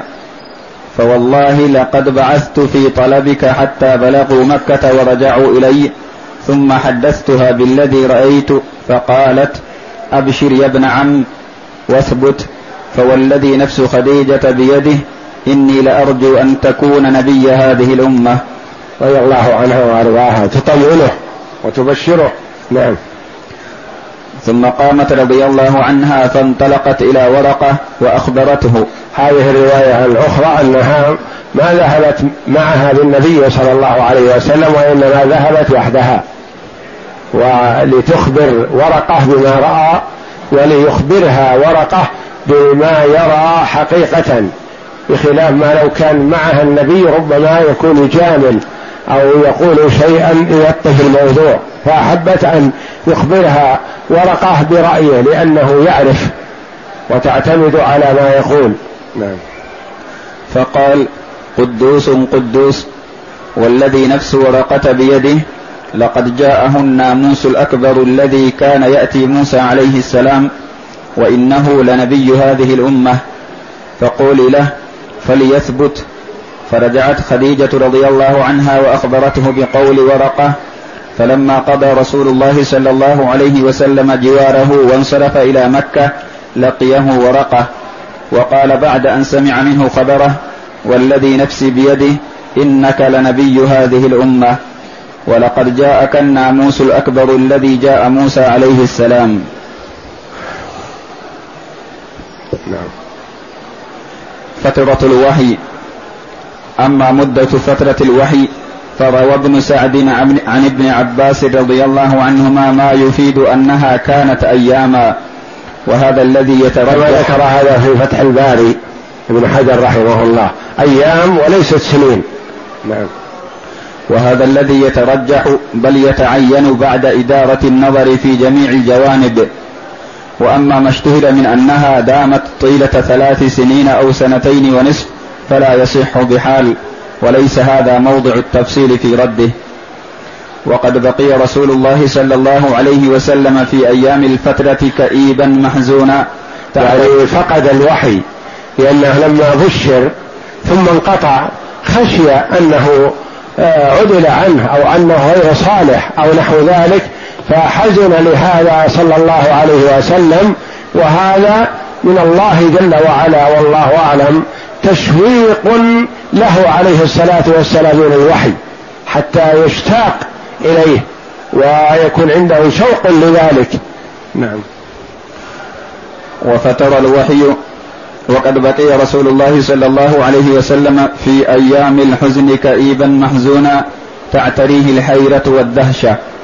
فقد روى البخاري رحمه الله في كتابه في كتاب التعبيد ما نصه وفتر الوحي فترة عن حزن النبي حتى حزن النبي صلى الله عليه وسلم فيما بلغنا حزنا عدا منه مرارا كي يتردد من رؤوس شواهق الجبال فكلما أوفى بذروة جبل لكي يلقي نفسه منه تبدى له جبريل عليه السلام فقال يا محمد إنك لرسول الله حقا. فيسكن لذلك جأشه وتقر نفسه فيرجع فإذا طالت عليه فترة الوحي غدا لمثل ذلك. فإذا أوفى بذروة الجبل تبدى له جبريل عليه السلام فقال له مثل ذلك. جبريل عليه السلام ينزل بالوحي مرة ثانية. قال ابن حجر رحمه الله وكان ذلك أن انقطاع الوحي أياما ليذهب ما كان صلى الله عليه وسلم وجده من الروع وليحصل له التشوف إلى العود. فلما تقلصت ظلال الحيرة وثبتت أعلام الحقيقة وعرف صلى الله عليه وسلم معرفة اليقين أنه أضحى نبيا لله لله الكبير المتعال وأن ما جاءه سفير الوحي ينقل إليه خبر السماء وصار تشوفه وارتقابه لمجيء الوحي سببا في ثباته واحتماله عندما يعود. جاءه جبريل عليه السلام للمرة الثانية. روى البخاري رحمه الله عن جابر بن عبد الله رضي الله عنهما أنه سمع رسول الله صلى الله عليه وسلم يحدث عن فترة الوحي قال فبينا أنا أمشي سمعت صوتا من السماء فرفعت بصري قبل السماء فإذا الملك الذي جاءني بحراء قاعد على جبريل لأنه هو الذي جاءه بغار حراء نعم. قاعد على كرسي بين السماء والأرض فجثثت منه حتى هويت إلى الأرض فجئت أهلي فقلت زملوني زملوني فزملوني فأنزل الله تعالى يا أيها المدثر إلى قوله فهجر. ثم حمي الوحي وتتابع. حمي الوحي يعني تتابع واستمر نعم. ما كان في انقطاع. نعم. قبل أن نأخذ في تفصيل حياة الرسالة والنبوة نرى أن نتعرف أقسام الوحي الذي هو مصدر الرسالة ومدد الدعوة. قال ابن القيم رحمه الله وهو يذكر مراتب الوحي. مراتب الوحي سبع والثامنة فيها خلاف. نعم. ستأتي تعرف بالاستخراج. نعم. قال إحداها الرؤيا الصادقة وكانت مبدأ وحيه صلى الله عليه وسلم. اولا أول أنواع الوحي الرؤيا الصادقة يعني ما كان يجيه ملك ويخاطبه كان يرى رؤيا وهو في النوم. يرى رؤيا في النوم هذه واحدة. نوع من أنواع الوحي لأن رؤيا الأنبياء حق. نعم الثانية ما كان يلقيه الملك في روعه وقلبه من غير أن يراه كما قال النبي. يعني يلقيه في روعه وقلبه يلقى في قلبه وهو ما يرى أحد. ما يرى ملك ولا يرى أحد وإنما شيء يلقى في قلبه. هذا نوع من أنواع الوحي. يدركه عليه الصلاة والسلام يلقى إليه من غير أن يرى ملكا أو غيره. نعم. كما قال النبي صلى الله عليه وسلم إن روح القدس نفث في روعي. روح القدس جبريل عليه السلام. نعم. أنه لن تموت نفس حتى تستكمل رزقها. فاتقوا الله وأجملوا في الطلب. ولا يحملنكم استبطاء الرزق على أن تطلبوه بمعصية الله فإن ما عند الله لا ينال إلا بطاعته. إن روح القدس نفث في روعي يعني في قلبي أنه لن تموت نفس حتى تستكمل رزقها. ما يمكن. الرزق المقسوم لك سيأتيك. لا بد لن تموت نفس حتى تستكمل رزقها. فاتقوا الله. يعني احذر أن تطلب الرزق هذا بسخط الله. وإنما اتق الله لا تأخذ هذا إلا برضا الله وبما أحل الله. ولا يحملنكم استبطاء الرزق أن تطلبوه بمعصيه الله. يعني تستبطئ آه، الغنى تستبطئ المال فتتحيل عليه بالشيء المحرم. تأخذه بالربا تأخذه بالحيلة تأخذه بالغش. لا رزقك سيأتيك. إن اعتمدت على الله واتقيت الله جاءك من طريق حلال. وإن استعجلت وتخوفت فواته ولن يفوت وأخذته من حرام أثمت. وهو مقدر لك الحلال والحرام. نعم. الثالثة أنه صلى الله عليه وسلم كان يتمثل له الملك رجلا فيخاطبه حتى يعي عنه ما يقول له. وفي هذه المرتبة كان يراه الصحابة أحيانا. كما جاءه جبريل عليه السلام في صورة رجل غريب شديد بياض الثياب شديد سواد الشعر لا يرى عليه آثر السفر ولا يعرفه من الصحابة أحد. بينما الصحابة يعرفون أهل المدينة. قالوا من هذا؟ هذا لا عليه آثر سفر. وليس ولا نعرفه من أين جاء. وثيابه ثياب نظيفة جيدة حسنة ليس مثلا مسافر أو أعرابي أو جاي من البادية لا منظم. شديد بياض الثياب شديد سواد الشعر لا يظهر عليه أثر السفر ولا يعرفه منا أحد. وجلس إلى النبي صلى الله عليه وسلم كأي رجل من الرجال. ويخاطب والصحابة ينظرون ويسمعون. ويسأل النبي صلى الله عليه وسلم عن الإسلام. فيجيبه ويسأل النبي عن الإيمان فيجيبه ويسأل عن الإحسان فيجيبه ويسأله عن الساعة. قال ما المسؤول عنها باعلم من السائل؟ أنا علمي وعلمك فيها سواء. ويسأل عن أماراتها فيجيب عن علامات الساعة. ثم ذهب. والصحابة متأدبون رضي الله عنهم. ما يقول الرسول من هذا يا رسول الله؟ متأدبون معه. بعد هذا قيل بثلاثة أيام وقيل أقل. قال يا عمر أتدري من السائل؟ قالوا الله ورسوله أعلم. قال ذاك جبريل أتاكم يعلمكم أمر دينكم. يعني يسألني وأنا أجيب لتسمعوا وتستفيدوا. يسألني وهو كان مسترشد وهو يعرف جبريل عليه السلام. لكنه ليسمع الصحابة الجواب من النبي صلى الله عليه وسلم.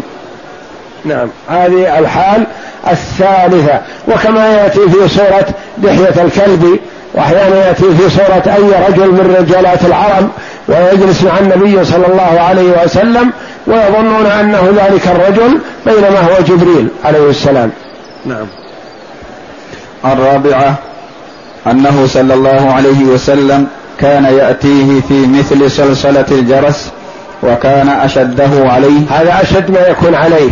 يأتيه بصفة قوية ويتألم منها النبي صلى الله عليه وسلم ويهتم لها ويبدأ يتفصد عرقا يعني ينزل منه العرق لشدة ما يدركه عليه الصلاة والسلام. نعم. وكان يلتبس به الملك. يعني يلتبس به يدخل به الملك وهم ومن عند النبي اسمه يرى أحد. نعم.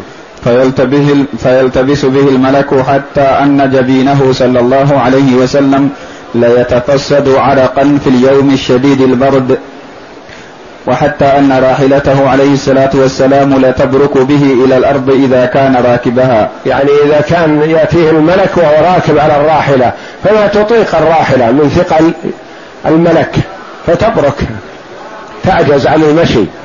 وأحيانا يأتيه الملك وفخذه على زيد بن حارثة أو فخذه على عائشة رضي الله عنها فيكاد يرف الفخذ الذي تحته عليه الصلاة والسلام من ثقله. نعم.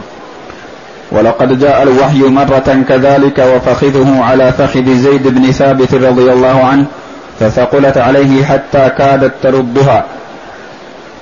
الخامسة أنه يرى الملك في صورته الذي خلق عليها. فيوحي إليه فيوحي إليه ما شاء الله أن يوحيه وهذا وقع له مرتين كما ذكر الله ذلك في سورة النجم. في سورة النجم ذكر الله جل وعلا أنه رآه رآه نزلة أخرى عند سدرة المنتهى فالنبي صلى الله عليه وسلم رأى جبريل عليه السلام مرتين على صورته التي خلق عليها مرة في الأرض وهو في غار حراء ومرة لما عرج به إلى السماوات العلى عند سدرة المنتهى كما قال الله جل وعلا أفتمارونه على ما يرى؟ ولقد رآه نزلة أخرى عند سدرة المنتهى عندها جنة المأوى إذ يغشى السدرة ما يغشى. ما زاغ البصر وما طغى؟ لقد رأى من آيات ربه الكبرى. رآه مرتين على صورته التي خلقه الله جل وعلا عليها. له ستمائة جناح مرة في الأرض وقد سد الأفق يعني سد السماء كلها ومرة عند سدرة المنتهى. رآه على صورته التي خلقه الله جل وعلا عليها وله ستمائة جناح. وفي أجنحته من الأشياء العجيبة والثمينة الجواهر الثمينة آه، ما الله به عليم. رآه على هذه الصفة مرتين. وهذه السورة آه، الحالة الخامسة. نعم. السادسة ما أوحاه الله إليه صلى الله عليه وسلم وهو فوق السماوات ليلة المعراج من فرض الصلاة وغيرها. أوحاه الله جل وعلا إليه وهو فوق السماوات ليلة المعراج من فرض الصلاة وغيرها هذه من الله بدون واسطة. كان جبريل توقف. لما عرج جبريل بالنبي عليهما الصلاة والسلام لما وصل إلى الحد الذي يقف عنده جبريل قال خلاص أنا وقفت. ما ما لي حق أتقدم أمام. فتقدم صلى الله عليه وسلم فأوحى الله جل وعلا إليه بالصلوات الخمس بدون واسطة. السابعة كلام الله له صلى الله عليه وسلم منه إليه بلا واسطة ملك كما كلم الله موسى بن عمران عليه السلام. وهذه يعني كان الله يكلمه ويسمع النبي صلى الله عليه وسلم كلام الله جل وعلا بدون أن يكون بينهما أحد لا جبريل ولا غيره.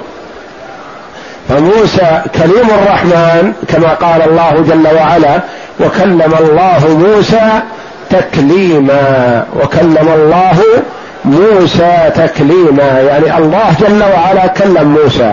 ويسمى موسى كليم الرحمن.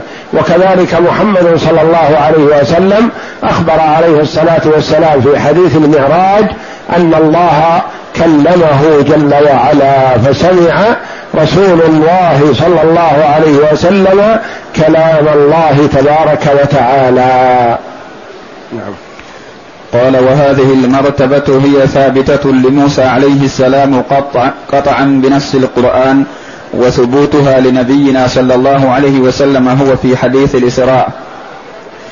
وقد زاد بعضهم مرتبة ثامنة وهي تكليم الله له صلى الله عليه وسلم كفاحا من غير حجاب. يعني التكليم من وراء حجاب.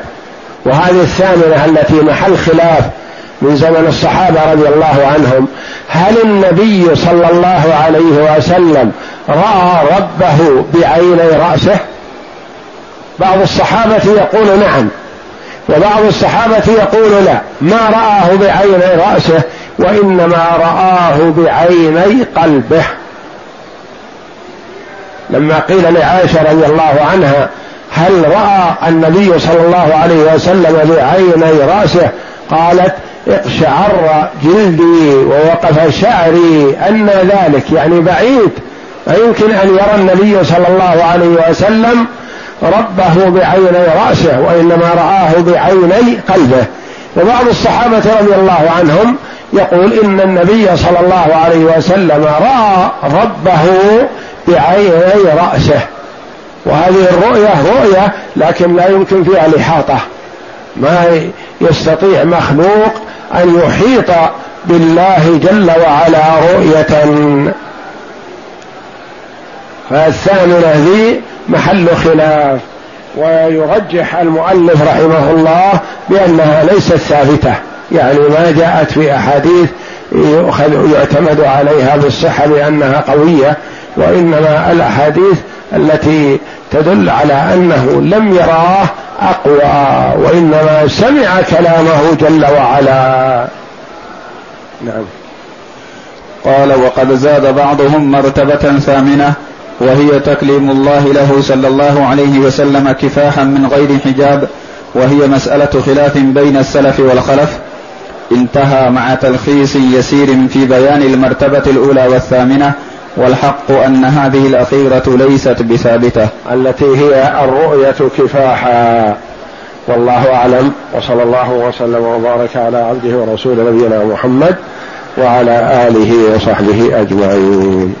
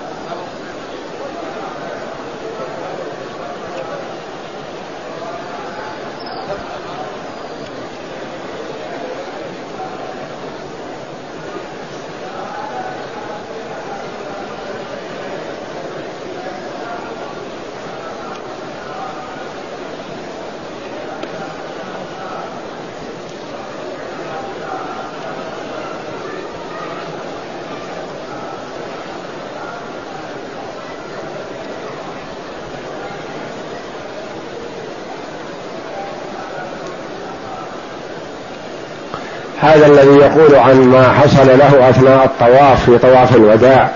يقول وهل حجي فسد؟ وهل لي من توبة؟ وهل علي من كفارة؟ اولا حجك ما فسد والتوبة تجب ما كان قبلها.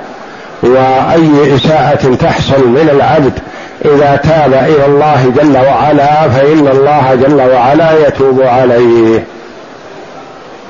وهل علي من كفارة؟ عليك فدية ما دام أنه فسد طوافك فسد طواف طواف الوداع فكأنك لم تطف طواف الوداع فعليك هدي يذبح بمكة لفقراء الحرم.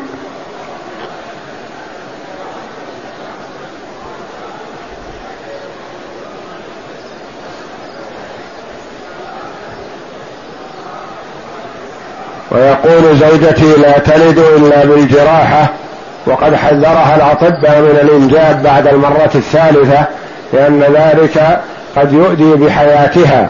فهل لي أن أتزوج عليها؟ وإن كان لي ذلك فهل أستأذنها؟ لا يا أخي لك أن تتزوج عليها ولو أن عندك عدد من الأولاد. فالله جل وعلا يقول في كتابه العزيز فانكحوا ما طاب لكم من النساء مثنى وثلاث ورباع. فإن خفتم ألا تعدلوا فواحدة أو ما ملكت أيمانكم. فأباح الله جل وعلا للرجل أن يتزوج باثنتين أو ثلاث أو أربع لكن عليه العدل. ولا يلزم أن يستأذن امرأته لأنه لو لزم الاستئذان ما حصل زواج لأنها لن تأذن المرأة بزواج من زوجها.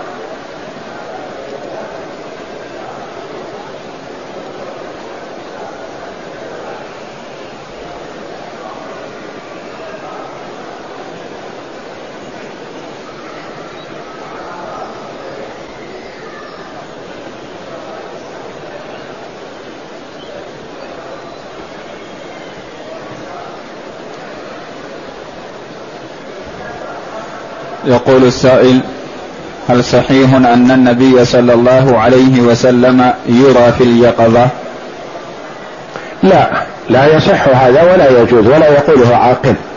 لأن النبي صلى الله عليه وسلم كما أخبر الله جل وعلا عنه إنك ميت وإنهم ميتون. وإنما قد يرى في المنام عليه الصلاة والسلام. يرى ترى شخصيته في المنام. أما في اليقظة يقولون جاء جاء النبي صلى الله عليه وسلم قوموا له هذه خرافة وتلاعب من الشيطان بالناس. فهو عليه الصلاة والسلام في قبره وهو ميت وحياته في القبر عليه الصلاة والسلام تختلف عن حياته في الدنيا وتختلف عن حياته في الحياة الآخرة في, في الحياة الآخرة. تختلف. وذلك أن القبر كما يسمى البرزخ يعني بين حياتين حياة الدنيا وحياة في القبر وحياة وحياة في الدار الآخرة في الجنة أو النار لمن كفر بالله أو من عذبه الله. فأنواع الحياة ثلاث وكل واحدة تختلف عن الأخرى. والنبي صلى الله عليه وسلم ما يقول عاقل أنه يخرج من قبره ثم يرجع إليه هذا هرى. فهو عليه الصلاة والسلام وإن كان حيا في قبره فهي حياة برزخية ليست كحياته في الدنيا عليه الصلاة والسلام.